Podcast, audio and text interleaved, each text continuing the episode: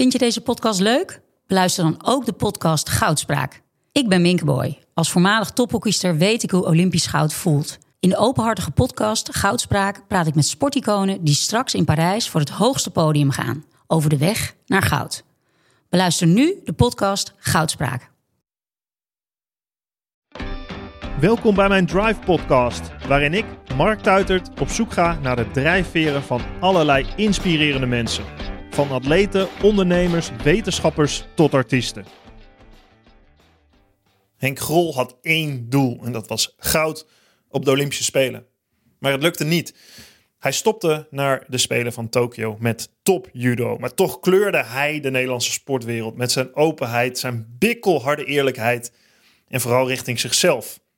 Keihard trainen, nooit opgeven, vechten, altijd vechten stonden synoniem voor zijn manier van sportbedrijven. Maar waar was de mentale balans en hoe kijkt hij terug op zijn carrière? Was de grootste tegenstander van Henk Grol niet Henk Grol? Zoals altijd is Henk eerlijk en genadeloos over pijn, opoffering, liefde voor de sport en voor het leven. Luister naar en leer van Henk Grol.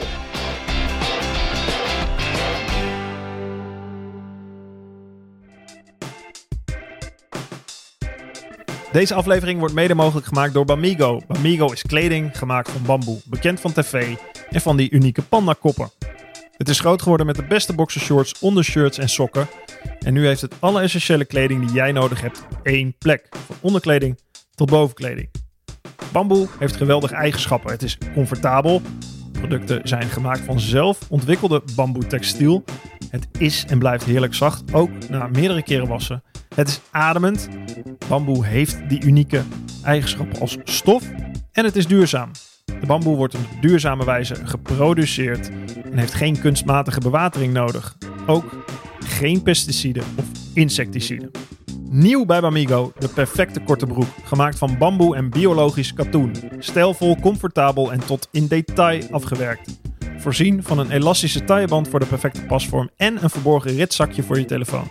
Verkrijgbaar in verschillende kleuren. Dit is de enige korte broek die je deze zomer nodig hebt. Exclusief verkrijgbaar op bamigo.com. Nu 25% korting op je eerste order. Exclusief voor de luisteraars van mijn show met de code DRIVE25. Ervaar het zelf en je wilt nooit meer wat anders. Voor je aan de podcast begint wil ik je kort wat vertellen over mijn nieuwe boek Drive, train je stoïcijnse mindset. Tijdens mijn carrière, maar nu ook als ondernemer en vader, heb ik veel gehad aan de principes van de stoïcijnse filosofie. De stoïcijnse mindset heeft voor mij het verschil gemaakt om succesvol te zijn. Overigens zijn het veel principes die ik herken bij de sporters, coaches en high performers die ik voor mijn podcast spreek. In Drive leg ik uit hoe ook jij een stoïcijnse mindset kan trainen. Het zijn 10 praktische levenslessen en trainingen die je helpen om met de juiste mentale balans het beste uit jezelf te halen, zodat je zowel scherp als relaxed door het leven kan gaan. Met de stoïcijnse mindset kun je richting geven aan je leven, actie ondernemen en accepteren waar je geen invloed op hebt. Deze mindset werd al millennia geleden toegepast in alle lagen van de bevolking en nog steeds is deze mindset essentieel om mentaal sterker te worden. Bestel jouw exemplaar van Drive Train je Stoïcijnse Mindset op marktuitend.nl slash drive of via jouw lokale boekhandel.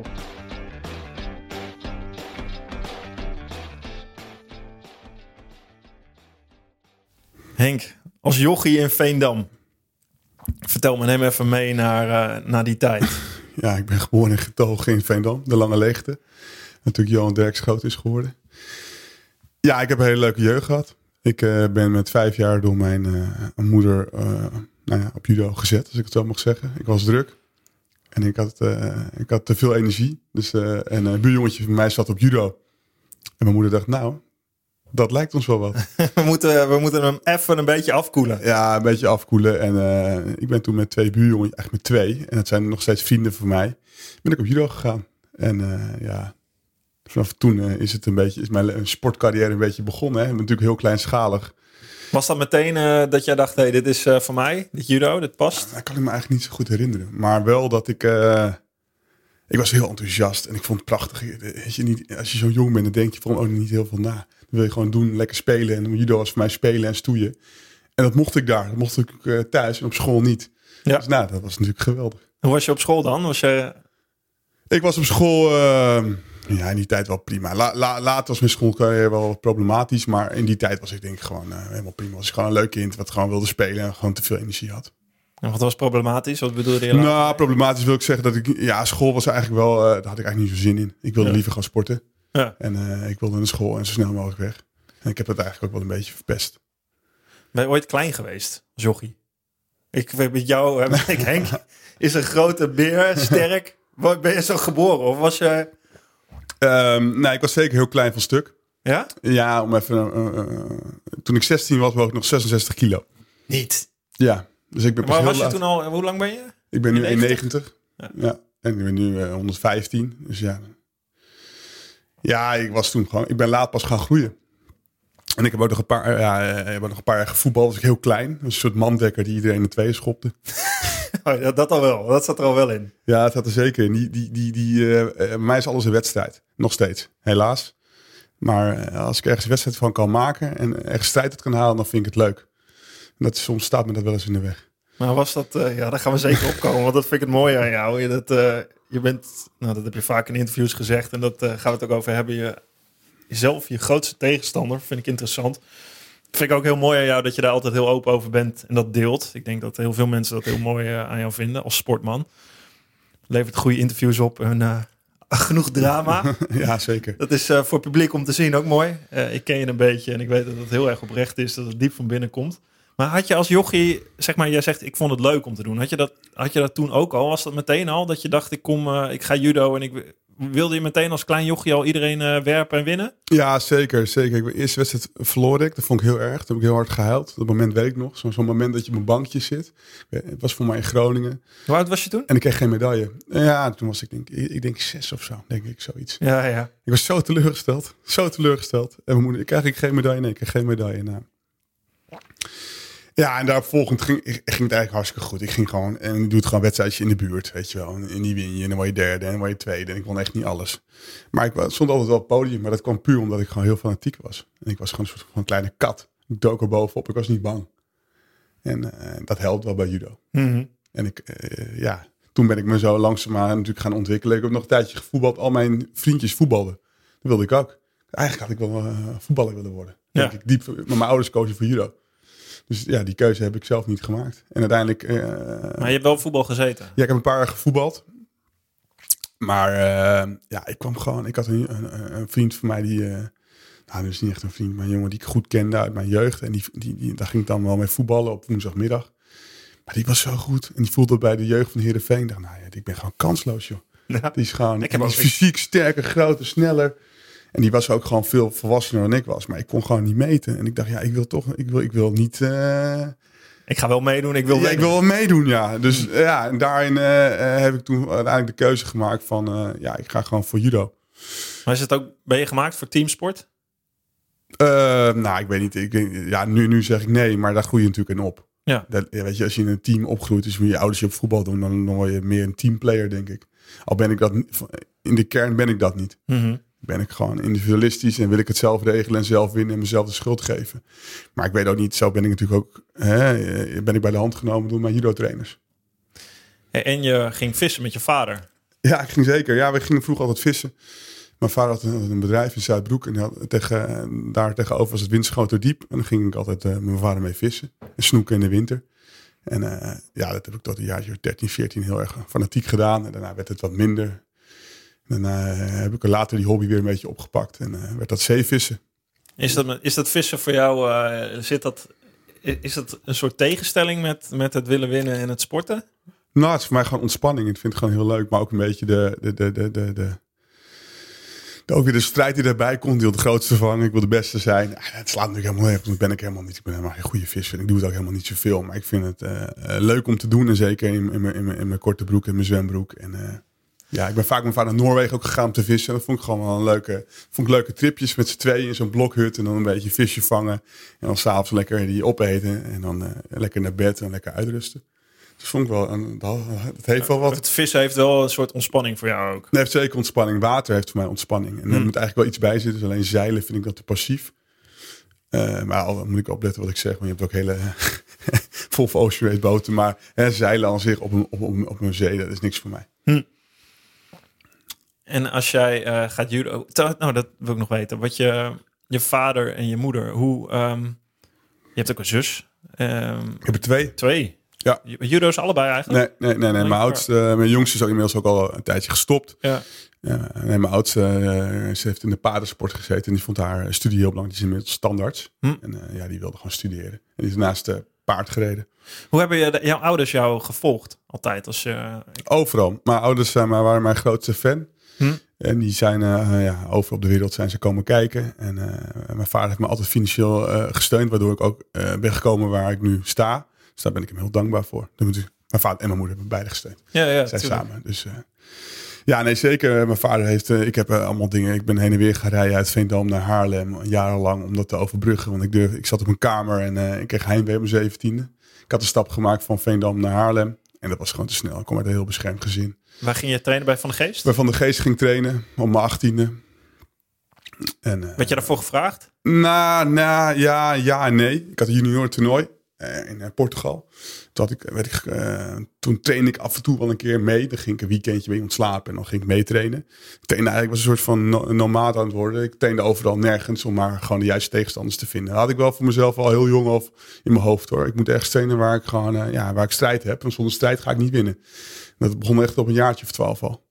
En dat dus als, als je in je naaste omgeving niet genoeg tegenstand had, dan zocht je... Dan ging ja, dan ging ik het opzoeken. Ik ging continu zoeken waar ik dan goed kon trainen. Dus eigenlijk Dus, zo'n eh, vechter die, eh, die vroeger al eh, stad en land afreisde Ja, soort kijken van, waar ja. tegenstand was. Ja, ja dat, ik, ik, ik heb geen idee hoe ik dat allemaal bedacht had. Maar dat deed ik dan allemaal. En dan had ik overal contactjes. En dan ging ik naar Heren. En ging daar trainen. En daar. En ging naar Groningen. Maar dat regelde je zelf. Dat regelde ik allemaal zelf. Mijn vader faciliteerde. Ja. Maar ik moet, een Henk van 14 die kijkt van, eh, nou, eens even kijken waar we, waar we dit weekend heen gaan om te, om te, om Ja, te knokken. zeg Ja, maar, een soort van, ja, ja, een tasje mee. En dan eh, het liefste tegen eh, senioren. En ik, als ik 13, 14, 15, dan wilde ik al met die senioren meetrainen. Jongens van 18, 20. En dan kreeg ik natuurlijk ook wel eens een pak op mijn broek. Omdat ik fysiek nog niet daar was. Je was eh, nog 66 kilo. Ja, maar dat vond ik juist dan mooi. Dus dat vond ik wel een strijd. En dan dacht ik, nou, dat, je gaat op mijn lijstje. Ik kom het vanzelf weer halen. En dat heb ik ook gedaan. ik vergeet het niet. ik vergeet niet. Dus nee, zo uh, Dus bouwde een cirkel die, op. die- ja, en die cirkel die leidt tot Haarlem uiteindelijk. Ja, uiteindelijk rijdt die cirkel eh, ja, tot Want daar zitten de de club van de geest. dan, hè, ja. De ramen van de geest. Uh, Korsel met mijn trainer geweest, maar ik heb wel Mhm. in zijn ramen gefunctioneerd. En hij was natuurlijk wel een soort van opperbaas daar. Alleen ja, hij faciliteerde dat met name natuurlijk voor zijn eigen kinderen. Dennis, Ilko. Ja, Dennis en Elko. Dus ja, zeker later ben ik natuurlijk met Elko in concurrentie gekomen. Ja. En daar ga je wonen. Eh, ja, toen ging ik daar wonen en toen ik Je nog- woont er nog steeds. Ik woon er nog steeds. En eh, ja, na denk ik één avond ben ik met hangende pootjes ongeveer teruggegaan, huilend. Dat ik heimwee had. En ik dacht, ik zat op een studentenkamer. Ik dacht, hierboven woont de prostituee. Want gaan mensen in en uit de hele avond. Ik weet niet wat dit is, maar ik kan niet slapen. Nee, dat is een grapje. Maar het was echt zo'n zo'n zo'n zo, echt zo'n vies studentenkamertje. Ja, ik kom uit en ik had het gewoon goed thuis. En die stap was gewoon te groot voor mij. En zei Cor van de Geest, je had mij in de kranten, in de Haamse Dagblad, de wandelende baby genoemd. Een heel groot artikel. Ik was een normaal, ik was een wandelende baby. Zijn kop was wandelende baby. Nou, dan dacht ik, jongen, wacht maar.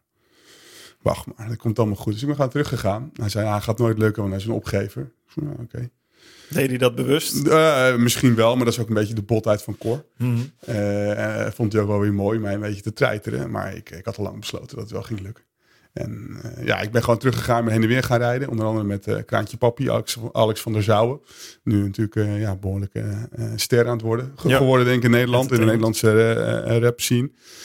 Eh, Maar die, daar reed je mee. ja, wij reden samen. Zijn vader is op een booreiland. Hij, hij woonde in Zuid-Laren. Oh, Ik woonde in Veendam. En ja, wij gingen, wij gingen samen trainen in Haarlem. echt Hij wilde ook, judo, hij wilde ook judo-kampioen worden. Dus wij zijn echt jaren samen in de auto gestapt, drie keer per week. En de, eh, eh, de ene week, eh, twee weken reed zijn vader. De andere twee weken eh, reden mijn ouders, Ja. of mijn toenmalige schoen- schoonouders reden ook vaak. En mijn vader stelde dan vaak een auto te beschikking met een tankpas. Voor mij dan. En dan eh, Reed hij mee. reed hij mee. Grappig. Ja, en Herken je die gedrevenheid? Want hij is een... Ja, Ja, hij is er zeker. Ja, ja, als je artiest wordt, heb je natuurlijk ook gedrevenheid. Zeker. Hij is echt een ras entertainer, vind ik hem. Weet je, hij is zo'n podiumdier. Was hij toen al, maar hij was toen ook wel eh, echt wel bezeten van eh, iets willen bereiken in zijn leven. Ja, En eh, dat, was een hele mooie tijd. Want eh, hij, hij kwam uit Rozenburg, Rotterdam. En ik weet nog de eerste keer dat wij elkaar ontmoetten, eh, gingen we samen spelen. In, hij woonde in Zuid-Laren. Gingen we naar de snackbar een frietje halen. En hij zegt, die, die, die mayonaise zuur, moet je ruiken, klets. Kreeg hem zo in mijn gezicht. Nou, dat was natuurlijk de Rotterdamse humor. Daar Ja. was ik helemaal niet gewend. Dus uit Veendam. Veendam. Ik dacht, wat is dit nou, weet je wel. En, ja, hij is natuurlijk rap van de tong, zijn vader ook. Dus ik heb een onwijs leuke tijd gehad, gelachen. En wij zijn toen ook Europa wel doorgereisd. En zijn vader ging ook vaak mee. En dat was wel een soort megafoon van het stadion, Kokkie.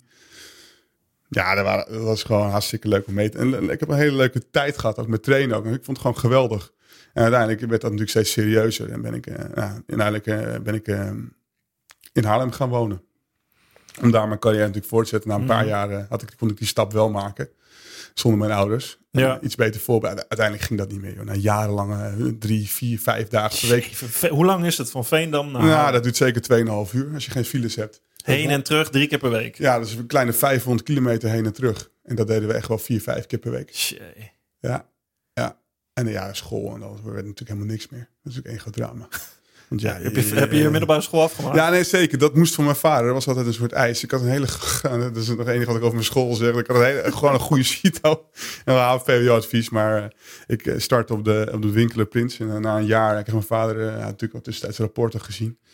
Maar ik eindigde met eh, allemaal eh, drie, eh, vieren en vijven. En die waren met name omdat ik niet meer in het lokaal zat, maar er Ja. buiten zat. Ja, je kon het wel. ik alleen, kon het wel. ik, wilde ik- iets anders gaan ik, doen. Ik, verstierde de boel. En, en uiteindelijk heb ik mij gezegd, mijn vader, nou prima, je blijft zitten. Maar dan bepaal ik wat er gaat gebeuren. Dan ga ik naar de christelijke MAVO. Dus dat doe ik niet. Ik ga niet naar de christelijke school. Daar heb ik geen zo zin in. Dan zei hij, nou ik denk het wel. Dan ben ik een paar dagen niet gegaan. En toen werd thuis opgehaald. Zei hij, nou ik ga je even brengen. en dat was eigenlijk een hele waanzinnig leuke school. Want die, die had ook gewoon, eh, daar kon ik, die, die snapte mij een beetje. Die ging op een juiste manier met mij om. Hm. Om een voorbeeld te geven, ik had eh, godsdienst. En dus ik kom de eerste keer daar binnen. Ik was best wel bij de hand. En die zegt, maar sorry, maar ja, ik zou niet zo goed weten wat ik hier moet. Want ja, ik, ik, ik ben atheïst. Ik, ik, ik, ik geloof er niet in. Mhm. Zegt hij, nou, dat is helemaal geen probleem. Ga jij lekker in de kantine zitten. Dat is helemaal, maakt helemaal, ik zeg, geen onvoldoende wordt niet geschorst. Nee, niet geschorst.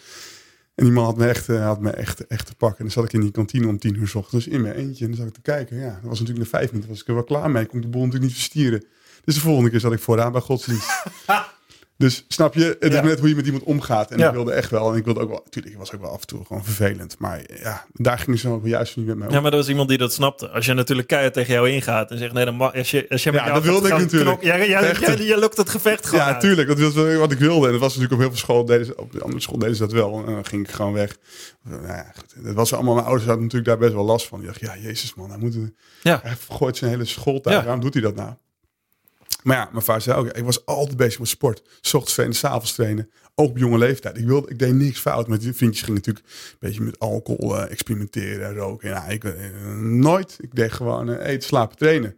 En die school moest erbij. Dat was Ja, ouders van zagen wel dat je gedisciplineerd Ja, was. dus die dacht, mijn moeder dacht ook van, ja, weet je, je kan hem nu wel gaan aanpakken. Maar ja, ja laat hem maar een beetje proberen om, eh, dat hij zijn middelbare school haalt. En mijn vader, nou, nou, als het allemaal niet lukt, dan komt hij bij mij op de zaak maar vegen of zo. Dan regel ik wel wat voor hem.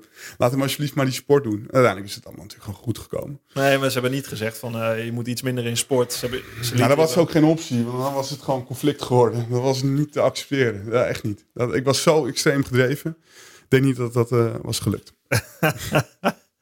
En de- dan zit je in Haarlem. Ehm, Ja. was je, had je daar een doel? Ja, nee, ik wilde de beste van de wereld worden. Toen al. Ik, ik, ik had natuurlijk geroken. Ik werd Europees kampioen op mijn achttiende. Best wel voor mezelf nog een soort van een soort eye-opener. Van, ik wist dat ik goed was.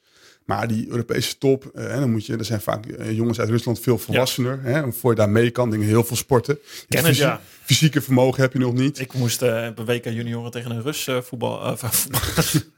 Sorry, ik heb nooit gevoetbald, mensen. Ja, tot mijn veertiende, maar niet op dat niveau. WK junioren, Dimitri Shepel, daar verloor ik van. Ik werd tweede, hij eerst. Ja, Het werd gezegd dat zijn paspoort niet klopt. Ja, dat was met judo ook altijd Ja, zo. Zei, dat klopt niet. Die heeft al Ja. zoveel borsten op zijn veertiende, dat kan niet.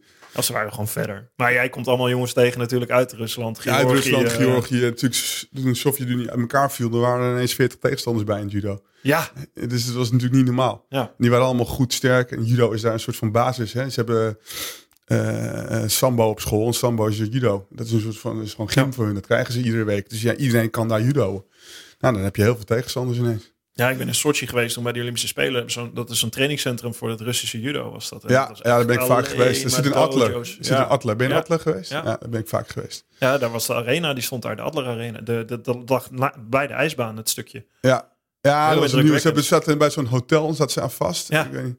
Ja. Daar ben ik echt wel een keertje. Zo'n hele grote, hele en- grote en- complex, en- alleen maar... En dan zie je eh, die slechte restaurantjes erachter. Ja. Ja, jongen, heb ik zo vaak gezeten daar. nou, nou, goed, weet je. En uiteindelijk eh, eh, werd ik uit een soort van mij uit niks werd ik kampioen. Was een soort van eye-opener. Toen ging het heel hard. Maar ik was bezeten met trainen. Ik trainde mezelf helemaal dood. Dus ik kon gewoon unlimited trainen in die tijd. En ik kwam natuurlijk van eh, wel veel belasting, maar niet de hardheid die in Haarlem was. Want dat was gewoon Ajax. Dus ik werd vanaf één, moment werd ik gewoon in diepe gegooid. Bij de senioren wereldtop met Van de Geestjes, Elmond. ja. En heel veel andere die ik nu vergeet. Maar die, die trainen daar samen. Ja, als je in één keer daarin wordt, gewoon jong Winky. Er wordt, of je breekt, of het wordt wat. Je wordt gewoon losgelaten tussen de piranha's. Eigenlijk wel. En dat is eigenlijk wat judo heel goed werkt. En daar word je weerbaar van. Ja. Weet je wel. En dat is wat het werkt. Je moet knokken, je moet overleven. Want je wilt tegen die gasten in wedstrijd. Moet je Of je moet iets gaan. anders gaan doen. Of je moet anders Ja. gaan doen. We hebben altijd, en we doen nu alles met zijde handschoentjes. Mhm. Eh, heel veel. En dat moet allemaal wel berekend. Dat werkt niet bij judo, joh. Dat moet je, het is overleven. En dan gaat natuurlijk 99% breekt af of die stopt. Ja, nou ja, goed, dat is wat het is. En wat, wat moest jij doen aan training? Hoe, Nou, wij trainden gewoon twee keer per dag. Nou, Dat, eh, en dat deed ik al wel. Maar alles wat intensiteit ging gewoon daar naartoe. Ik deed wel krachttraining, maar dat ging gewoon wop, ging daar erbij. Dan hadden ze Herman de Brot, was een man van het ijzer in, in, in Haarlem. Nou, die eh, zou je eigenlijk nog eens moeten vragen voor een podcast. Ja. Mooi verhalen. Maar die, eh, die had het wel begrepen. Die had in Oost-Duitsland gezeten en die had gewoon oldschool krachttraining. Die liet ons gewoon echt knijter hard trainen. Maar dat ging natuurlijk ook werken. Weet je, in het begin dacht ik van, jezus, hoe overleef ik dit zeg? ja. Dan 's ochtends eh, werd ik al helemaal door, door het geluid ging ik. En dan dacht ik, nou jongen, dat ik kon bijna niet meer. Weet je wat, als je zo'n koortsgevoel in je lichaam hebt dan na Ja. een training. Maar dat is maandagochtend. Oké, dan gaan we. Dan moeten we nog eh, tien of twaalf trainingen doen deze week. Nou, maandagavond gingen we hier dan. Gingen we anderhalf uur, twee uur tegen elkaar eh, lopen beuken. Nou, dinsdagochtend gingen we weer kracht trainen. Oh nee, dinsdagochtend deden we dan hardlopen. En dinsdagavond deden we weer judo. Nou, zo ging dat ging die week door. En dat waren dan eh, drie, vier, vijf krachttrainingen. Het verschilde een beetje in de, in de- Ja. in de periodisering. Er waren twee looptrainingen. En er waren vier, vijf judo trainingen. Is alles intensief? Alles was hard bij judo. Ik heb mijn hele leven alles hard gedaan. Altijd. Dat is misschien ook fout geweest. Ja, ja. Ja, is- wij, deden, wij deden gewoon, eh, gewoon, Gewoon- hard. gewoon- Dit was gewoon bij judo is dat zo. Is gewoon hard. Of was het bij jullie zo? Nou ja, Herman die, die had het wel begrepen. Die zei, nu moet je even een beetje taperen met judo. Je wil herstellen, toch? Die wil herstellen. Herstel deed ik altijd de ziekte of blessure. Dan ging ik herstellen, zei ik altijd. Je traint gewoon zo hard totdat je geblesseerd raakt. En Ik dat is het moment van herstellen. Ik heb mezelf echt doodgetraind. Ja. Dus wij, en ik ga ook niet opgeven. Maar die Olympische Spelen komen er ook aan in 2008. Volgens mij, hè, dat is de Kwamen eerste eraan, Spelen. Zeker, mijn eerste spelen. En eh, ja, toen heb ik, eh, ehm, ik zat in 2007 nog min 90. Ja. Ja, dat was, toen heb ik, eh, hadden we een WK eh, eh, teams in, in Parijs. En ik moest mijn gewicht halen. En toen weeg, hadden we nog de weging de ochtend van de wedstrijd. En ik kwam van 97, moest ik terug naar 90. En ik, ik deed afval niet goed, maar ik was hartstikke mager. Want ik trainde zoveel. Ja, ja, Ik was mager, maar ik moest 7 kilo af. Ja, maar dat, Jezus, dan deed ik dan altijd net even te laat. Weet je wel, dan begon ik tien dagen van tevoren of zo. En dat was gewoon te kort. En dan deed ik de ochtend, ging ik om vijf uur opstaan. En dan moest ik nog even twee, 2,5 kilo eraf halen. Met vochtmanipulatie, met een eh, sauna of een sauna of een zweetpak of iets in die trant.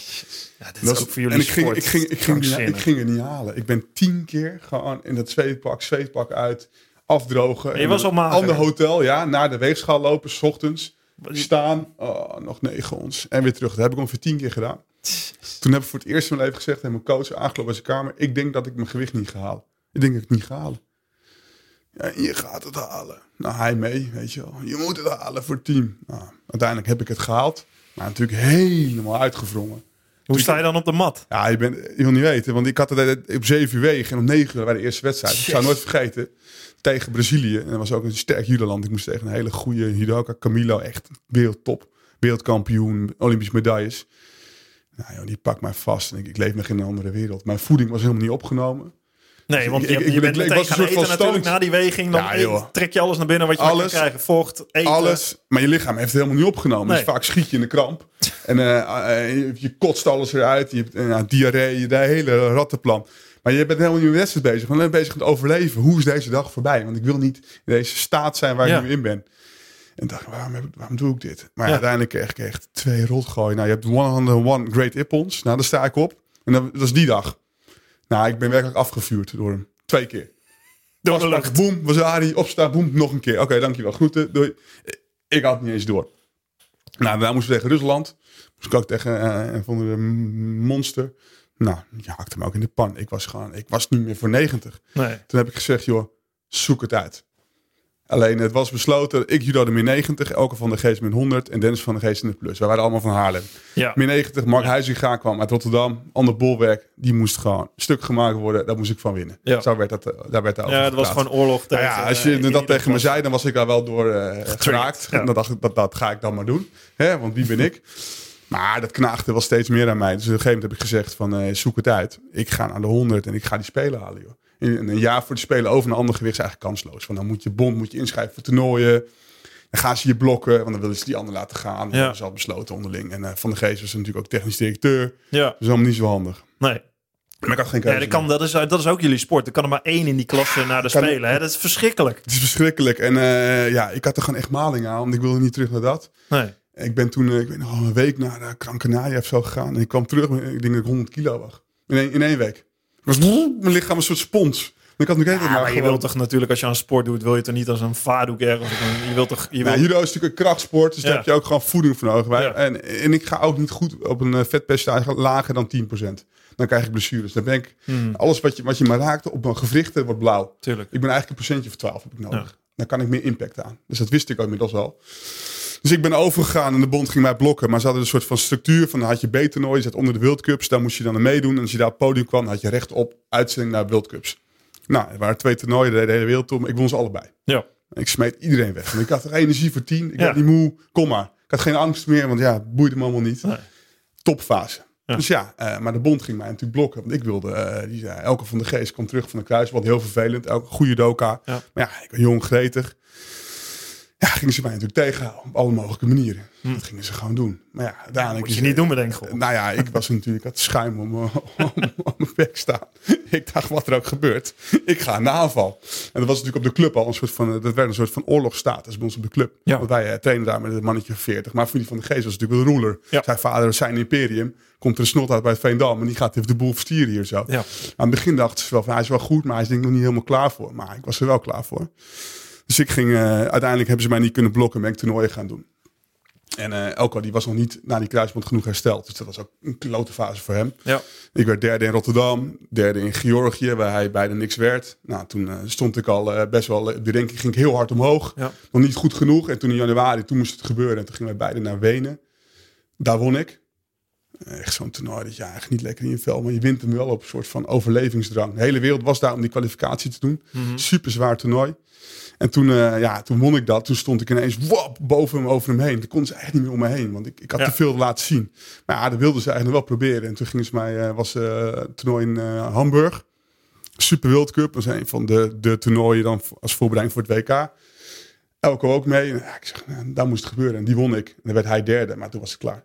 Dus toen was ik er zo ver overheen. ja, ja. Jij ging naar de Spelen. ik ging naar de Spelen. Eh, nou, na het EK nog voor de Spelen werd ik Europees kampioen. Ja. Op het 22e. Was je eh, kans hebben voor goud? Op de Spelen? Ja? Ja, 100%. Ik was de beste die dag. En eh, op de Spelen werd ik derde. Eh halve finale stond ik Wazari voor. Met Giro Kennis. Maar het was eigenlijk een punt. Ja. Gaven ze Wazari voor. Iedereen zegt, Henk, rustig aan. Of alleen je handen Uit- tussen. uit judo. Uit judo. eh, en word je- en win je, gewoon makkelijk. Gozer is, eh, was in Kazachstan. Drie minuten sterker naast de tank leeg. Ja. Dus zei gewoon die gozer zijn handen ertussen uit. Kan je makkelijk. Dacht je dat ook? In die wedstrijd? Ja, maar ik dacht, ik smijt hem gewoon door, door het plafond. En ik voel, ben zo goed die dag. Ik was zo goed die dag. Was niet normaal. Wat ik aanraakte was boem, was raak. Dat was het probleem. Ik was te goed. Dus ik ging mee in de flow van die dag. En eh, ja, dat, me- dat is mijn hele leven natuurlijk bijgebleven. Nou, was je die dag goed, maar niet kalm genoeg? Niet, niet, niet.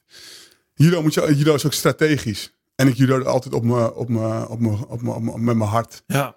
Want ik vond mensen gooien het allermooiste wat er was. En jij, En daar krijg je jij- geen medaille voor. ja, jij, jij kan gewoon niet op 98% iets Nou, zeker toen niet. Later heb ik dat wel geleerd hoor. Maar ik was, dit was, het was, het was een dag en die voorbereiding voor de Spelen was drama. En ik had een jaar lang alles gegeven met de intensiteit waar, waar, waar ik Ja. trainde.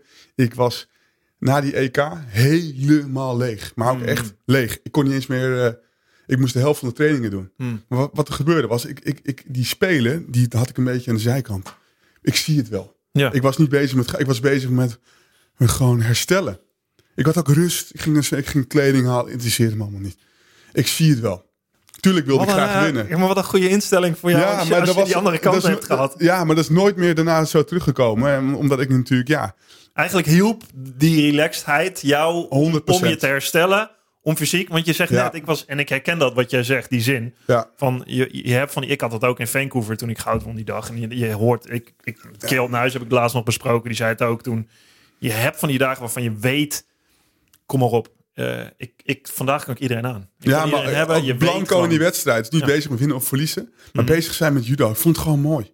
Mhm. Ik vond het mooi die mat Nee, lopen. plezier. gewoon op te pakken en boem. En dan Ja, maar dat is toch als je- in het stadion. Dat is ook als je uitgerust bent, heb je dat. Dan, kun je plezier, dan zie je alles. Ja. Dan heb je plezier. Dan weet je, kom maar op. Dan, dan Ja. is het leuk eigenlijk, toch? Ja, 100 procent, 100 procent. En dit was zo'n dag, die heb ik een paar keer nog gehad. Maar dit was een ultieme dag. eh, Ja. dag en, en, en, en, en, hij gooit me en ik krijg, ik krijg een punt tegen. En pam, weet je wel. Maar hij gooit je omdat je... Nou, ik wil hem tillen, wil hem tillen en hij rolt mij eroverheen. Ik, Ja. ik, ga, ik, ik, zet die, ik ben iets te makkelijk, te gretig. Niet het juiste moment.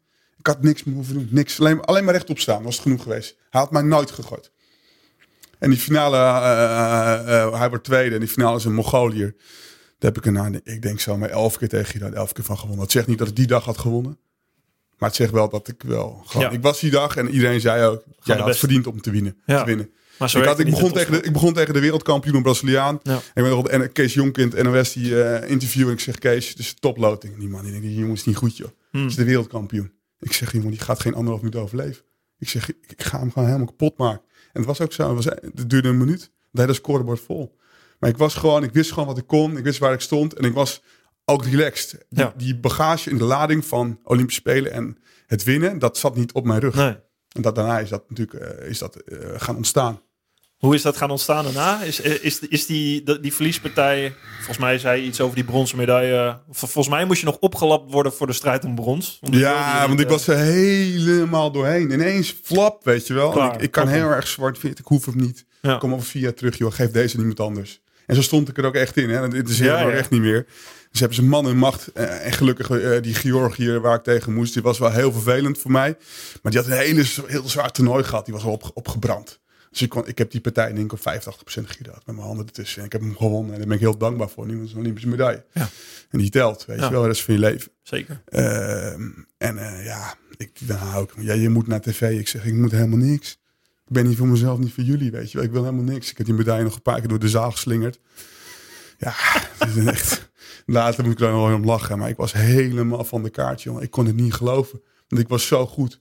Ik kon niet geloven dat ik niet gewonnen had. Er, er kan geen enkel boek bestaat dat. Maar dat is ook weer de hardheid van judo. Ja. Ja, en daarna is het gewoon, eh, eh, die, die jaren daarna is het eigenlijk wel goed gegaan. Alleen ja, heb ik eh, nog even... WK-finale WK Rotterdam. in Rotterdam. Ik scheur mijn knieband. Ik kom ik werkelijk op één been judo ik mezelf naar een finale in Ahoy. Ja, dat is echt niet normaal. Ik, als ik eraan denk, nou, dan kan ik nooit meer. Mijn knieband was werkelijk niks meer van over. Ik had laten een scan, er zat een centimeter eh, eh, gat tussen met een witte band op de scan. Zei dokter Kerkhoff, dit is, dit is niet best, jongens. Zei ik, hoezo dan? Eh, dit valt toch wel mee? Je kan nog gewoon lopen. Ik kon er ook maar judo. Ja, maar dit is wel behoorlijk. eh, dat je hiermee hebt kunnen judo is echt een wonder. Dus die dag was, was, was misschien nog wel een betere dag dan, eh, dan die dag van de Spelen. Wel met heel veel spanning. Maar op de mat was alles raak. Met één been. Het slaat nergens op. Met judo kan je niet judo met één been of één arm. Nou, dat heb ik een paar keer in mijn leven gedaan. En het, ik zeg altijd tegen mensen, dat is de hardheid die ik opgebouwd heb met die insane eh, programma wat ik al die jaren gedraaid heb. Daardoor heb ik de wil om niet te stoppen. En eh, niet dat ik meer, meer pijn kan verdragen dan de normale Nederlander. Maar op dat moment kon ik dat oproepen. Omdat ik daar zo diep in was gegaan in die Mhm. trainingen. Ja, ja, ja, nou, ik ben drie keer twee op een WK geworden. En eh, van eh, één WK, misschien wel terecht tweede, had ik hem wel een kans om te gooien tegen Japan in de, in de finale. En die andere twee had ik gewoon moeten winnen. En ik heb er nog een paar EK-finales verloren. Maar goed, dat is een beetje wat het is. En eh, toen in Londen werd ik op de Spelen, had ik zo vreselijk veel stress. Zoveel, zoveel Ja. druk. Heb ik mezelf zo'n zo'n onwijze bagage gegeven. Wat zei je van tevoren toen? Je moest goud winnen. Ik ga winnen. Ja. En eh, de rest interesseert me niet wat jullie van vinden. Als ik niet win, dan heb ik gefaald. Ja, dat zulke tekst had je heel erg. Hè? Als Ja. niet win, dan is het gewoon. eh, Ja, zo mij ik ook, zoiets van. dan is mijn carrière eh, mislukt. Toch? Ja, daarmee zadel je natuurlijk op met onwijs veel stenen. Ja. En loop je natuurlijk de hele dag maar krom mee. En, Ja, kijk, dat was ook de reden dat mensen toen mij leuk vonden. Want ik zei natuurlijk gewoon uh, waar het op stond en ik draaide er ook niet omheen. Ja, ja En heerlijk. aan de ene kant eh, is dat eh, daardoor mijn carrière is ook heel vaak minder leuk eh, geweest, met name voor mijzelf. Ja. En heb ik mezelf heel on- ontnomen wat niet had gehoeven. Ik had ook wat rust moeten inbouwen, wat relaxedheid. Want het ontspanning. plezier wat je toen had, wat je zei Het was toen geen ervoor- plezier meer. Het was een soort van eh, obsessie met Ja. die 24 uur per dag. 24 uur per dag ben ik daar, ja, ik denk zomaar 15 jaar bezig geweest. En ik vierde geen fe- feestdag, geen verjaardag. Alles in de weg stond moest weg. Dus ik, ik deed geen enkele concessie nergens in. Dus alleen maar eten, slapen, trainen. Dat kon 15 jaar lang. 15 jaar lang. En ik heb mijn hele leven daarvoor ben ik er ook mee bezig geweest. Maar die extremi, eh, extremiteit was dit gewoon. Op vakanties, alles was op, op e- e- eten, slapen, trainen. Dus nooit rust. Nooit. Ik heb nooit... Alleen als Maar ik... waren er niet mensen om je heen die zeiden... Hey Henk, doe eens even normaal joh. Ja, om goed, Ja, zeker. om een maar, betere eh, atleet misschien te worden... moet je af en toe rusten of moet je... zei ik, ja, je hebt gelijk, doe ik. Maar je gelooft het niet. Nee, want ik, was, ik, vertrouwde niemand. Ik dacht, ja, maar eh, niet trainen betekent gewoon achteruit gaan. En natuurlijk ben ik gewoon dik overtraind geweest, maar ik heb het nooit geaccepteerd. Dus dat bestond niet in mijn overtraindheid is voor poesies, daar praten we niet over.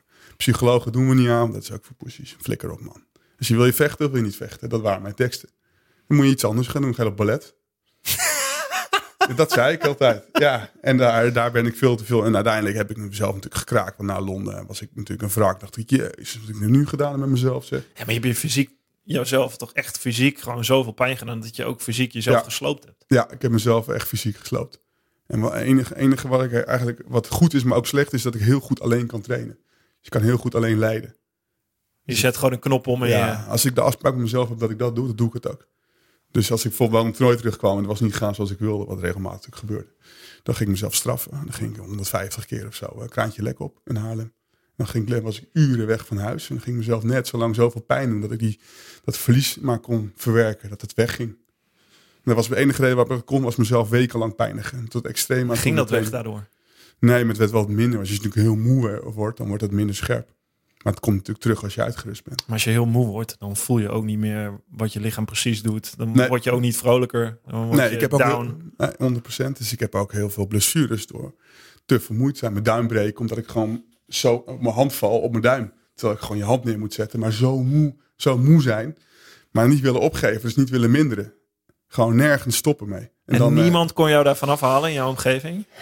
Je ouders, wat, wat, wat, nou, mijn dacht- ouders wat dachten je er ouders? mee. Mijn ouders wonen in Veendam en ik woon in Haarlem. Die hadden geen idee. Oké. Dus daar communiceerde ik. Ik zal dat het goed ging. Ja, je gaat goed. Lekker bezig. Ga lekker Top. bezig. Heerlijk. Komt goed. En diep van binnen, hoe voelde je het toen?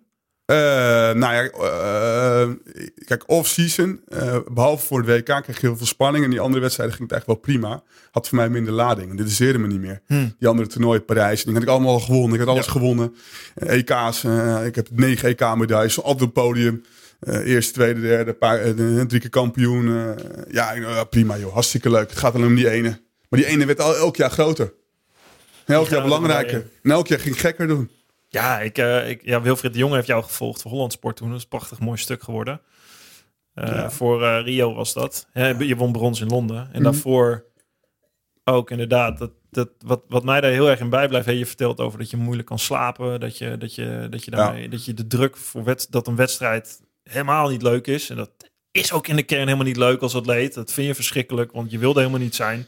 Maar jij gaat er wel heel ver in. Je maakt Ja. het zo zwaar, zo beladen. Veel zo, te beladen. ook naar jezelf toe. Het is, of je, het is bijna niet. Je, je pijnigt niet eens een tegenstander. Je Nee. pijnigt jezelf. Pijnig mezelf, 100%. Ik heb mezelf zo in de weg gestaan. Ik, was, ik ben tussen denk, ik, 2008 en 2011, 12 of zo... heb ik vijf jaar lang op iedere wedstrijd dat ik meedeed... op podium gestaan. Ja. Nou, dat is echt voor judo is uniek. Want je hebt altijd wel tegen een keer tegen een flater aan, weet je wel. Maar ik was zo, mijn niveau was zo hoog. En, en daar, daar uiteindelijk ben ik natuurlijk... eh, heb ik mezelf zoveel pijn gedaan naar eh, Londen... om te zeggen, ik ga nog harder trainen. Ik denk dat het nog meer... Dan hoorde ik bijvoorbeeld gasten die dan eh, dat deden. Dat was natuurlijk helemaal niet zo. Dan dacht ik, fuck, dat kan ik ook. Als ik hoor dat iemand meer deed dan ik, dan kan ik ook. Ja, maar waarschijnlijk klopt dat ook wat je dacht. Omdat je, je als jij helemaal zo die dag in wat je zei op het WK of in Londen, ook al heb je tegenslag, dan weet je nog dat je de beste kan zijn en dat je kan winnen. Dus het klopt ook wel dat je heel goed bent. En je wilt ook nog keihard werken. Dus ergo, het resultaat zou zijn dat je ook gewoon moet winnen.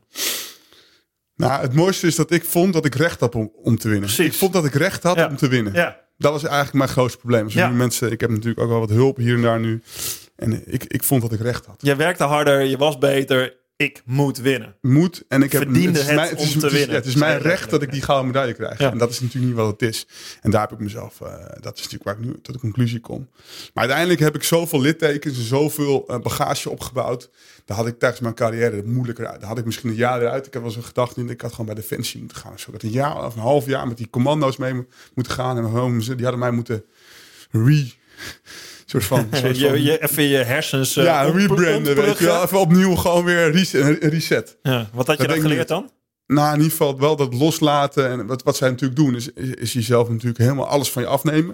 En dan gaan ze je opbouwen op hun manier. Als ik dat heb, van nu van een afstandje, als ik dat kijk en volg. Dat is wat ze bij Defensie doen. Ja, en bouwen alles van je afnemen met ook dat je eh, je Ja, ook idee ja, afnemen dat je überhaupt ergens Alles, je eigen waarde, alles wordt afgenomen. Hè? Je wordt natuurlijk gewoon neergezet, je moet gewoon luisteren Ja. en bij mij bepalen.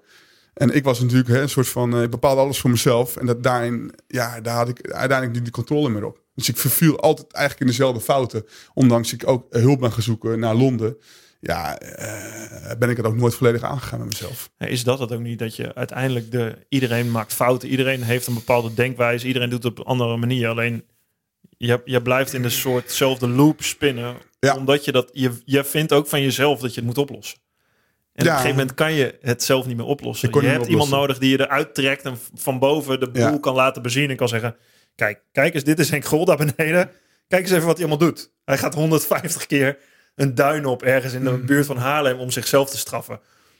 Die Henk Grol, die spoort af en toe niet. Ja, maar dat, ik vertelde dat niet tegen iemand, hè? dus eh, niemand wist dat. Snap je? Ik ging dat niet aan. Nee, precies. Nee, maar de- daarom kan Ja. ook niemand je helpen om, om, om, om of sport niet is heel groot. Hè? Ik, ik snap het. Ik snap dat je als sporter helemaal. Alleen dat iemand gewoon de absurditeit ergens van kan aantonen. Van dit, dit is absurd. Ja, het, slaat helemaal nergens op. En was ook helemaal niet leuk. Maar ja, het enige wat ik wel mooi vond, was hard, hard trainen vond ik wel heel mooi. Dus ik vond het heel mooi om een dojo binnen te komen. En dan iedereen gewoon dwars over die mat te trekken. En gewoon het kapot te maken. Gewoon zo vaak te gooien, zo hard als ik kon. Daar kreeg ik een kick van. Dat vond ik heerlijk. Als ik in Japan binnenkwam, dan dacht zo, oh, dan hebben we hem weer. Dan hopen ze dat ik een week bleef. Meestal, meestal bleef je een week universiteit en dan ging je even wisselen, weet je wel. Want het is toch hun eh, territorium. Mm, mm. Dan wordt het een beetje vervelend. Maar ik was ook drie weken bij een universiteit. Nou, die gasten hebben echt gedacht, als je die... Op een gegeven moment had ik geen tegenstanders meer, joh.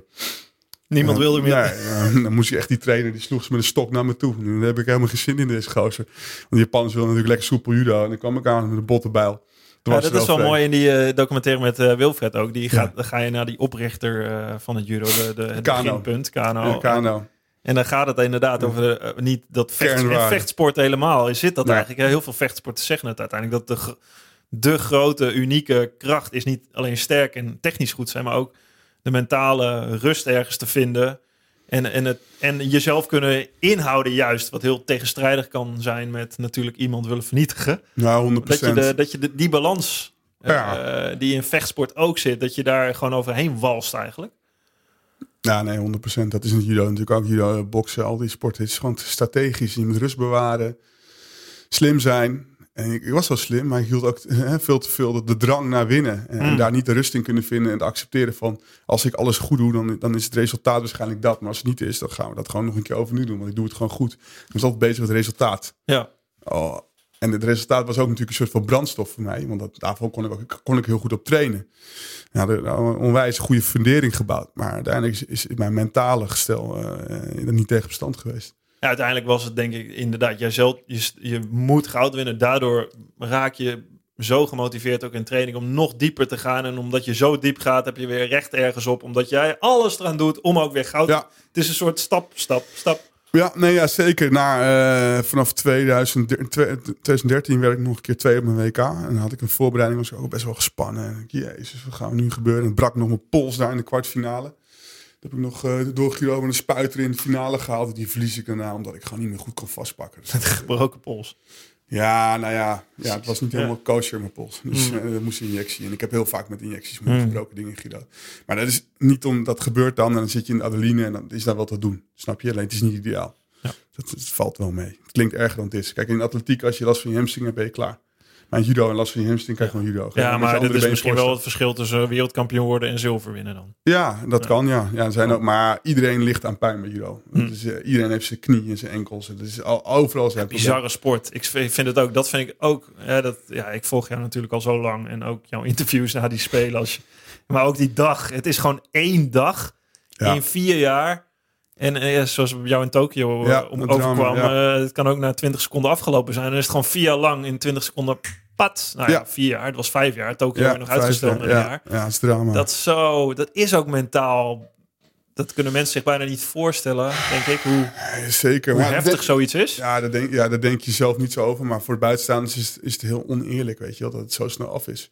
Dat ze zeggen van, ja, je zou het dan anders moeten jureren. Maar er Ja. zijn gewoon te veel mensen. Dus je moet daar ook doorheen om ergens een podium te bouwen. Nou ja, uiteindelijk als je wil winnen moet je iedereen verslaan. En Ja. is er maar eentje die kan winnen. Dus Ja, nee, dat zo is het het. principe. Maar hoe, de, hoe de sport in elkaar zit. Die ene dag met één deelnemer uit één land.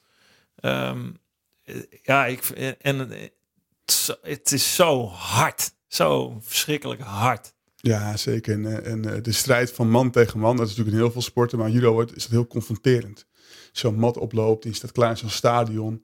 Vechtsport is echt wel gewoon, en eh, wil ik niet ons gelijk met boksen of MMA, ik denk dat het misschien nog wel een stapje erger is. Maar het gevoel komt wel dicht bij elkaar in de buurt. Hoe voelt dat? oers. Nou, je, je, staat klaar in zo'n callroom, wordt je pak gecontroleerd.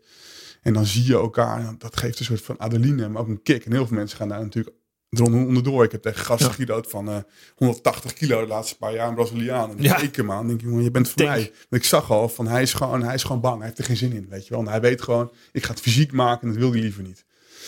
Ja, Maar je hebt ook gasten gestaan, die kijk je aan en denk je, ja, dit gaat hem worden. Deze heeft er ook zin in. Een gozer uit Georgië met schuim op zijn mond, weet je wel. En biceps zelfs eh, van 50 centimeter. Ik denk, oh, dit gaat, dit gaat wat worden. Dit wordt een clash. Ja, en, en, en ja, of ik had dat vaak een, Techische- een, Tsjechische tegenstander. Dus die jongen is niet de beste judoka, maar wel, die heeft twee keer Olympisch goud en twee gewichten. En dat is zo'n ongelofelijke strijder. En dat, en dat zo, deze jongen die geeft nooit op. En dan weet je gewoon, als een wedstrijd tegenkomt en die komt voor te staan. Ja, die blijft gewoon komen. Die heeft longen, die heeft een derde long. Snap je? En ik moet niet naar de golden score met deze jongen. En in het begin wel op een min 100 won ik altijd van hem. En eh, in het zwaargewicht, eh, de laatste drie, vier keer ook. Maar hij werd even Olympisch kampioen in, in Tokio. Maar puur omdat hij gewoon eh, die wedstrijd lang laat duren. Hm. En uiteindelijk dan gaat hij gas geven. En, en, en ze gaan er allemaal onderdoor. Ja, wat je zegt is ook wel, dat, dat kijk je natuurlijk ook op als buitenstaander. Je kan heel, hè, je moet een soort balans hebben van mentale rust en kracht. Alleen ehm, als, als het echt voor je gevoel bijna leven of dood is, het is het is gewoon echt gevecht, gewoon fysiek knokken met iemand die, wat je zegt, het schuim op de mond staat. En probeer maar eens eh, heel kalm te blijven eronder. Je moet ook een soort drang hebben om iemand, wat je zegt, te 100%. slopen, toch? Je moet ook, Ja, ja, ja, ja zeker. en Weet dat is je, heel tegenstrijdig, die, die, 100%, die dingen. 100%. Maar Ik ben nooit bezig geweest in een wedstrijd om een tegenstander bijvoorbeeld te blesseren. En ik weet heel veel judoka's dat wel hebben. Hmm. Ik denk, oh, als ik hem op schouder gooi, dan is het gewoon klaar. dat. Dat heb ik nooit gedaan. Ik ging altijd uit van gooien. Ik wilde iemand gooien. En dat ik mooi. Ja. Het En, er mocht ook, je mocht nog iemand werpen eh, vroeger ook, hè? Ja, zeker. Ja, je vroeger mocht je aan de benen. Dus uiteindelijk is dat gestopt. Dat Ja. was wel een nadeel voor mij. Je mag niet meer eh, onder de band pakken. Maar ook, daar, ook met de nieuwe regels kon ik goed judo. Heb ik ook Mm. veel gewonnen. En, eh, maar dat gevecht van man tegen man, dat is gewoon heel intens. En als je daar nu over, als ik nu, ik heb nu over judo, ik krijg wel zweethanden, weet je wel. Ik, denk, oh, dan zit ik weer in die, in die film en denk, ik moet weer die mat op. Mis je dat wel eens? Nee, ik mis het helemaal niet. Ik wil het ook helemaal niet meer. Dus eh, nee, ik ben helemaal, het is gewoon goed. Judo, de tank is leeg voor judo. Ik vind het een mooie sport, maar het heeft voor mij eigenlijk misschien wel een paar jaar is het te lang geweest. Ook fysiek, maar ook geestelijk. Het was op. En eh, ik kon geen afstand nemen, want ik wilde dat. Ik moest dat nog een keer doen. En het is gelopen zoals gelopen, maar ik wil gewoon. eh, Kun je het loslaten nu? eh, judo aan zich wel. En ik word natuurlijk wel vaak herinnerd nog aan Tokio of dit, dat waar ik kom. Ja, dat komt ook omdat ik hè, af en toe nog de publiciteit zoek. Dus dan moet ik ook respecteren dat mensen erover beginnen. Als je op tv gaat, dan zit er ook een consequentie aan. Dat vind ik soms wel lastig als ik een hele avond ergens eh 50 keer hetzelfde moet vertellen. Dan denk ik, boah, kom ik thuis en denk ik, daar ben ik wel een beetje gefrustreerd Mm. van. Maar het, het krijgt steeds meer plekje. Het is nu een jaar, weet je wel. Een jaar geleden. En, eh, Kun je trots zijn op je carrière? Ehm, ja, dat probeer ik wel. Dat ben ik niet altijd.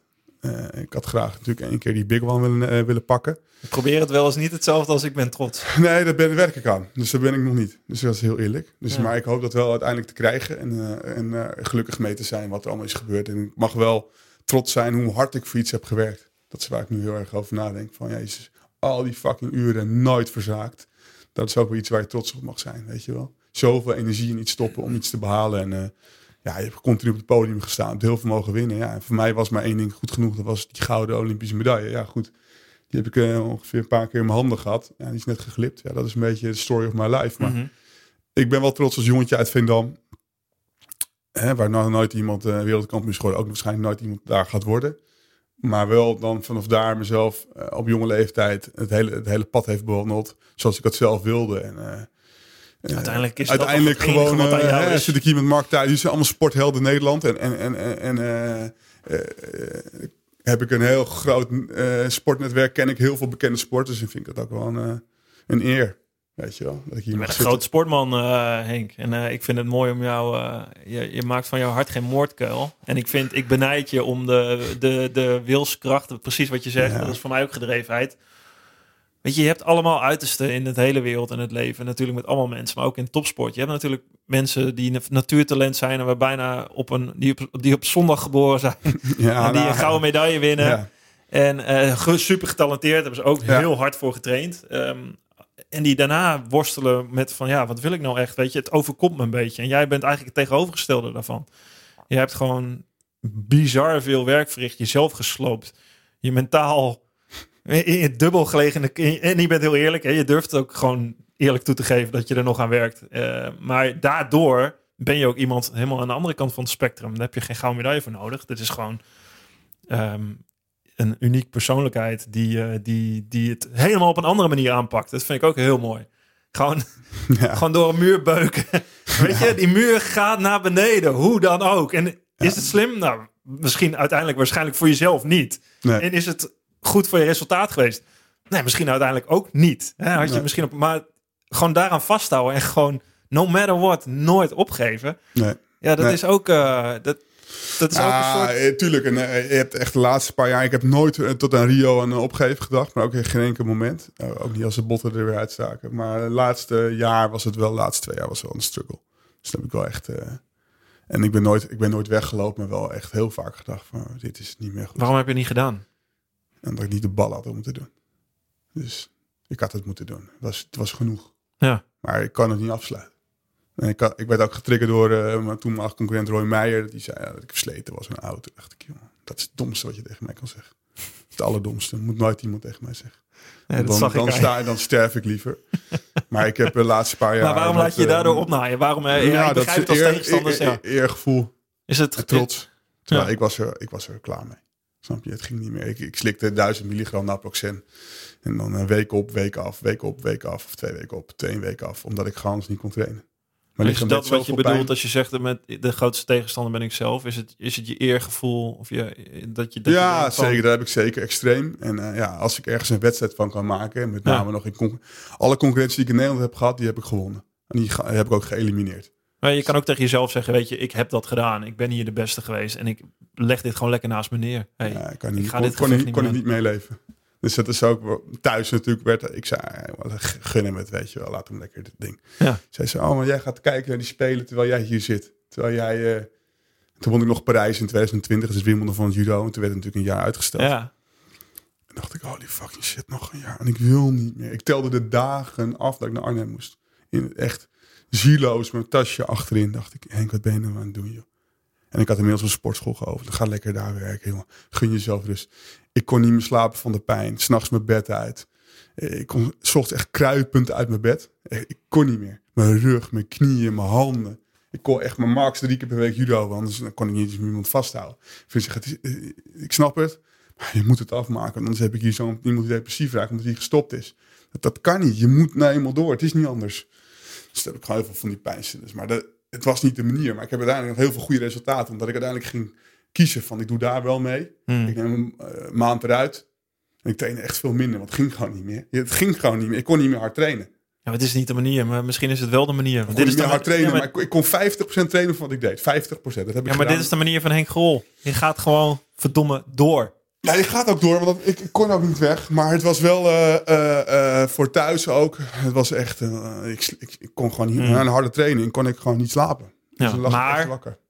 De pijn van misschien het opgeven of Nou, denken dat is nog van... erger. Ja, ik wou net zeggen. Is de rest van je leven. Ja, die is voor de rest van je pijnverkleining leven. is tijdelijk. En Ja, die, maar hoe eh, kijk je de er nu dan je leven. na? Is het... Nou ja, ik ben ook wel blij dat het, dit was de afloop was natuurlijk wel voor mij dan persoonlijk behoorlijk, eh, nou ja, mag ik niet zeggen, maar vernedering. Dat was echt, vond ik zo erg, van de ergste momenten in mijn leven. Omdat ik eigenlijk een hele goede loting had in Tokio. Ik ben eigenlijk in Tokio natuurlijk gekomen. Ik heb, eh het is ook nog wel mooi. Ik heb, eh, Roy Meij en ik heb eigenlijk nooit tegen elkaar gejudo'd tot het laatste toernooi, het EK. Waarbij ik eigenlijk al, ja, ik weet niet hoeveel medailles voor stond, maar echt vijf, zes medailles. Eh, hij, kon helemaal niet omgaan met die concurrenties. Hij won echt tien toernooien, niks. En ik, ja, ik stond gewoon over op het podium. En de laatste toernooi op het EK eh, moeten we tegen elkaar. Een coronatoernooi, dus heel veel uit. En eh één potje winnen, één keer tegen Roy. Maar het is toch nog een spannend potje. Want ja, hij heeft al niks meer te verliezen ongeveer. En zo'n type is het ook. Roekeloos, maar ik had hem zo goed bestudeerd. Ik wist gewoon, hij doet dit, deze stap. Ik, ik had alles uit, uitgedokterd op training en uren naar hem zitten kijken. Ja, ik had het gewoon, ik was helemaal heel goed voorbereid. En ik was die dag ja, bulletproof. Want ik wist, het gaat gebeuren een keer en dan ben ik voorbereid. En hij was heel agressief en eh, hij heeft zich ernstig misdragen. Ook eh, in de aanloop daar naartoe. En eh, op die mat kwam het allemaal eruit. Ik wist gewoon, hij schopt me eerst. Tien keer slaat hij me ongeveer tegen mijn hoofd. Of hij schopt me eerst tien keer. Toen kreeg ik klap op mijn hoofd van hem. En toen ik pak hem één keer goed vast. En ik kon al mijn ogen dicht doen. Ik weet, als ik dit doe, dan reageert hij zo. Pop, en hij reageert. Bom, klaar. En ik, ik had het ook zo bedacht. Maar dat was gewoon geanalyseerd. Hij had de analyse, ik ga vechten. Maar ja, vechten had niets van zin. Hm, Het was gewoon een tactisch potje voor mij. ja. En dat was voor mij wel, dat was voor mij, dat was voor mij een van de belangrijkste overwinningen. Want dat was gewoon een soort van eer. Ja. Eergevoel. Toen werd toen tweede op het EK. Ik verloor die finale over Norris. En die spelen was ik gewoon, eh, eh, eh, was ik eigenlijk wel oké in voorbereiding. Dus niet super gestrest. Maar ik was heel erg bezig met ja, maximale training nog te kunnen doen. Want dat was echt veel minder dan ik had gedacht. Want het ging gewoon niet. Ik kon Ja. gewoon niet meer heel erg diep gaan. Maar mijn lichaam wilde dat niet. En ik was gewoon fit genoeg om, om een medaille te halen. Want ik had met deze fitheid het laatste jaar overal medailles. Ik heb eigenlijk over het podium gestaan. En die eerste partij, hier ook tegen een jongen, eigenlijk niet een lekkere loting. Dus ik dacht in het begin eigenlijk wel. Maar in die wedstrijd, eh, ja, een jongen die lage worpen maakt en daar heel, echt één ding kan. Eigenlijk heel simpel om dat te analyseren en dat goed te doen. Ja. Misschien toch een beetje semi-nonchalant erin gegaan. En, eh, ik kon het helemaal niet blokken. Ik ga er vol overheen. En eh, En, ja, weg.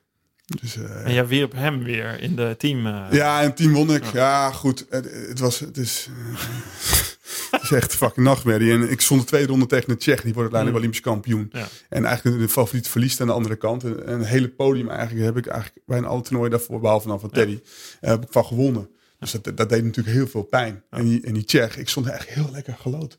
ja, ja, Echt toploting. Ik had die loting. Ja. Die Tsjech ga ik niet van, die ga ik niet van verliezen. Hij werd ook kampioen. Maar had ik de laatste drie keer van. Daar ga ik gewoon niet van verliezen. Ik denk als ik nu mijn pak aan doe, dat ik niet van hem verlies. Ja. Maar dat zijn van die mensen, wij liggen elkaar. Hij wordt twee keer Olympisch kampioen, twee Ja. gewichten. Hij heeft van de grootste judokas alle tijden ook nog twee keer wereldkampioen in twee gewichten. Ja. Ah, dat is echt Ja, dat is ook de, meest unieke prestatie ooit.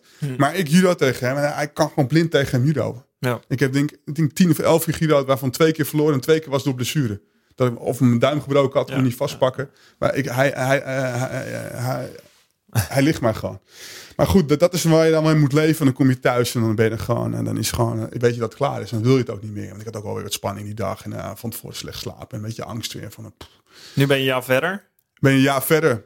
Ja, en dan Gestopt. Ga, je, ga, je, natuurlijk, kom je thuis en dan lever je die auto in. En dan zeg je, bel je de dopingautoriteit. En dan zeg je, ik wil nooit meer gecontroleerd worden. Niet omdat ik iets verbergen, maar ik wil gewoon alles afsluiten. En dan doen ze nog moeilijk. Zeg, stuur me een formulier, want ik, de deur staat niet meer open. Ik ben er namelijk klaar met jullie.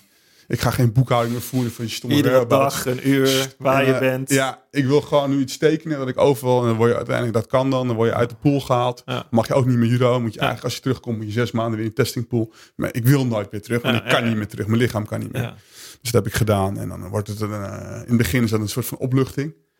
En later wordt het ook wel heel moeilijk hoor. De eerste paar weken is lekker. En daarna ben je zoekende, weet je wel. Voel je gewoon een sukkel. Dan denk je, die vrouw achter de kassa bij de appie, die, die vindt me ook een loser. Je dat soort, dat soort irrationele gedachten gaan dan door je hoofd.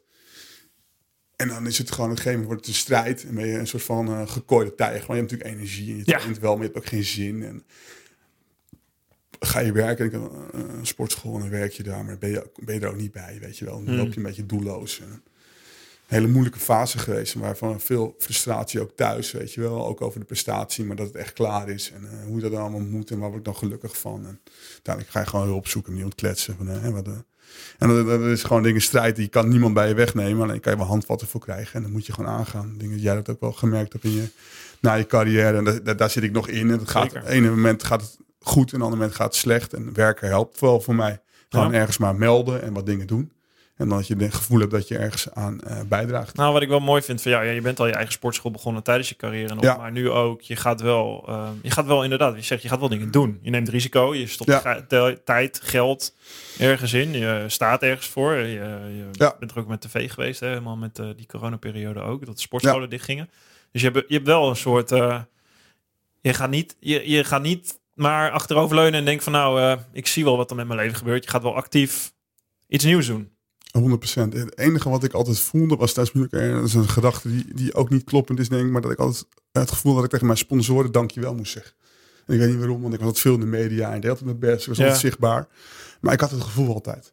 En dat vond ik heel Waarom, vervelend. waarom klopt die de gedachte niet? Nou, ik denk dat ik eh, zeker van waarde was voor de sponsoren die ik had. En, dat ik, Mhm. dat ik, eh, en daar werd ik dan, kreeg ik dan eh, wat geld voor. En dan kon ik van judo en dan kon ik van leven. Maar ik vond het altijd moeilijk om dat te regelen. Ik vond het altijd een gedoe, weet je. Ik, had daar, ik wilde gewoon sporten. Hm. En het andere erbij, dat hoorde erbij door netwerken. En dan kreeg ik altijd dingen voor elkaar. Mensen die me wat gunden. Maar ik vond het vervelend. Het Hm. werd een beetje vervelend. Dus ik dacht, als ik klaar ben, dan ga ik ondernemen. En dan ga ik gewoon tegen niemand meer dankjewel zeggen. Ga ik het gewoon lekker zelf doen. Eh, Gewoon fuck you, weet je. Oh, ik hoef tegen niemand. Ik wil, ik wil doen wat ik wil. Ik wil prima 60 of 80 uur werk. Interesseert me niet.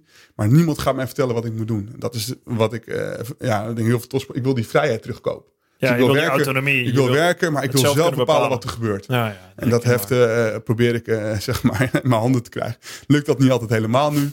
Maar ik ben wel blij dat ik die stap heb gemaakt. En ik leer onwijs veel. Want ik heb inmiddels mijn tweede zaak geopend. Eh, Je met bent de- vader. ik ben vader geworden, daar ben ik ook heel trots op. En eh, ja, af en toe struggle ik wat. Ja, hier en daar heb ik mijn dag niet. Of eh, denk je, jezus, wat ben ik nou aan het doen? Is dit nou leuk, weet je wel? Sta ik om acht uur in Hoorn in mijn sportschool. En eh, ja, ben ik gewoon uurtjes aan het maken. En dan denk ik, oké. Dit is ook het leven.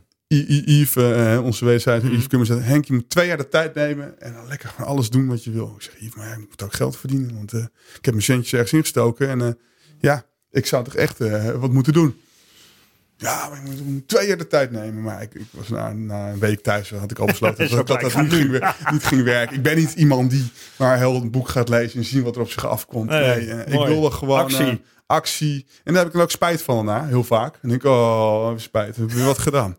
Waarom doe je dat nou? Mijn vriendin ook. Doe nog even rustig. Die tweede sportschool niet nodig. Ja, Even wachten maar nog. hier leer je van. En dat, ik, ik, Nou, dat ik ik. het. Nee, maar dat, ja, maar dat kan ik je... Ik, ik, bij mijn moeilijkste periode kwam twee jaar nadat ik stopte. Alleen als je dingen gaat doen, kom je achter dingen. Het is de enige manier. En eh, je komt heel vaak jezelf tegen. Ik, ben ook wel, ik ging ook wel eens hier de deur uit. eh, dat hele mijn vrouw tegen me zei, nou, je gaat steeds krommer lopen, zeg maar. Dat ik denk van, fuck, wat ben ik aan het doen? Surf. En dat hoort er ook bij. Helemaal bij het ondernemen natuurlijk ook. Het is niet altijd leuk. Het is net als met topsport. Het is niet altijd leuk.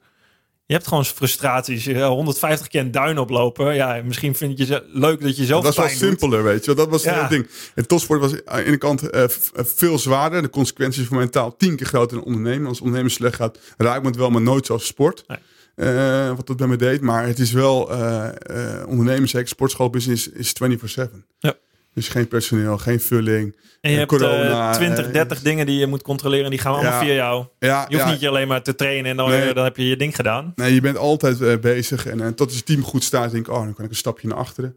Hè? Want ik wil eigenlijk niet dagelijks in de zaak staan. Ik wil dagelijks zijn, Mm. maar niet. Ik wil vervangbaar zijn. Dat is eigenlijk, was eigenlijk mijn doel. En eh, nu in Veldsbroek gaat heel goed, een waanzinnig goed team. Maar ja, als iemand wegvalt, je weer zelf. Ja. En een nieuwe zaak sta ik nu zelf dat het team goed staat. Maar ja, dat is allemaal bouwen en heen en doen. En ik ben met name bezig met de grote dingen. Energietransitie, Mm. sportschool een beetje verbouwen, wat mooier maken. Daar ideeën voor opdoen. Dat vind ik leuk. Heb je nog wel eens tijd om te vissen? Eh, ja, ik ga in oktober vissen in, in Florida. Dus dat is een onwijs, daar kijk ik heel erg naar. Ik ben een paar jaar niet gegaan. Dan heb ik een kennis met een boot. En dan gaan we, gaan we gewoon bij Marco Island, de Thousand Island area. Gaan we vissen op tarp, onze haaien, Goliath groepers. En er is gewoon een wereld, joh. Er gaat een wereld voor me open. Mijn telefoon gaat gewoon lekker in het Ja. hotel. En dan heb ik gewoon een hengeltje. En niet dat ik een onwijze visfanaat ben, maar dan ben ik daar joh, in, in mijn korte broek. En, en lekker, lekker weer. En het is zo'n mooie jachthaven. Zo'n, eh, in Amerika halen ze die boten allemaal uit het water. Omdat het water is heel zout. Ja. Is altijd beter voor je boot. En dan komt zo'n Mhm. heftruck. En is wel heel mooi. zo'n, zo'n, zo'n, ja, zo'n, in zo'n, ja, moet even uitleggen, in zo'n, in zo'n mangrove staat dan zo'n haven, maar heel mooi met zo'n gebouwtje. En uh, van die oude mannen die daar dan hun, uh, pensioen dan vieren. En die bootjes heel mooi netjes opgestapeld. Een mooie houten jachthaven met zo'n mooie lounge erbij. En het is gewoon even een sprookje komt. En dan hoor je de vogeltjes fluiten en dan zie je de alligators zwemmen. En dan, jezus, het is paradijs. Paradijs. En dan is heel lekker om daar een weekje te vertoeven. Dan ga je lekker op het bootje en dan is zo'n lekker vlak water. En dan ga je lekker vissen. En dan kom je vier uur terug en dan wordt het bootje weer eruit getakeld. En dan ga je lekker een biertje halen. Ga je s'avonds lekker eten. En om negen ga je lekker naar bed. S ochtends om zeven sta je op in de dauw daar. En dan, uh, ja, dat is voor mij een wereldweek. Dat vind ik zo te gek. En dan vind ik, dat moet je ook doen. Ga er alsjeblieft naartoe. Ondanks ik vader ben, maar neem even die rust.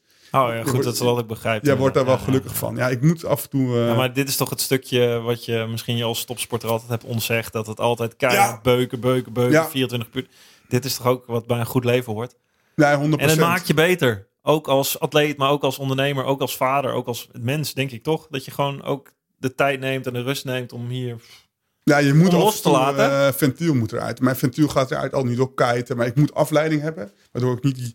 Ik ben gewoon niet met die klote telefoon bezig. WhatsApp. Ik heb al een WhatsApp groep voor die zaken. Dus het gaat altijd door. Ja. Dit, dat ja, regelen, dit regelen. En weer nieuw personeel. Oh, ja. ik zou die aannemen op die uurtjes. Oké, okay, we gaan dat schuiven.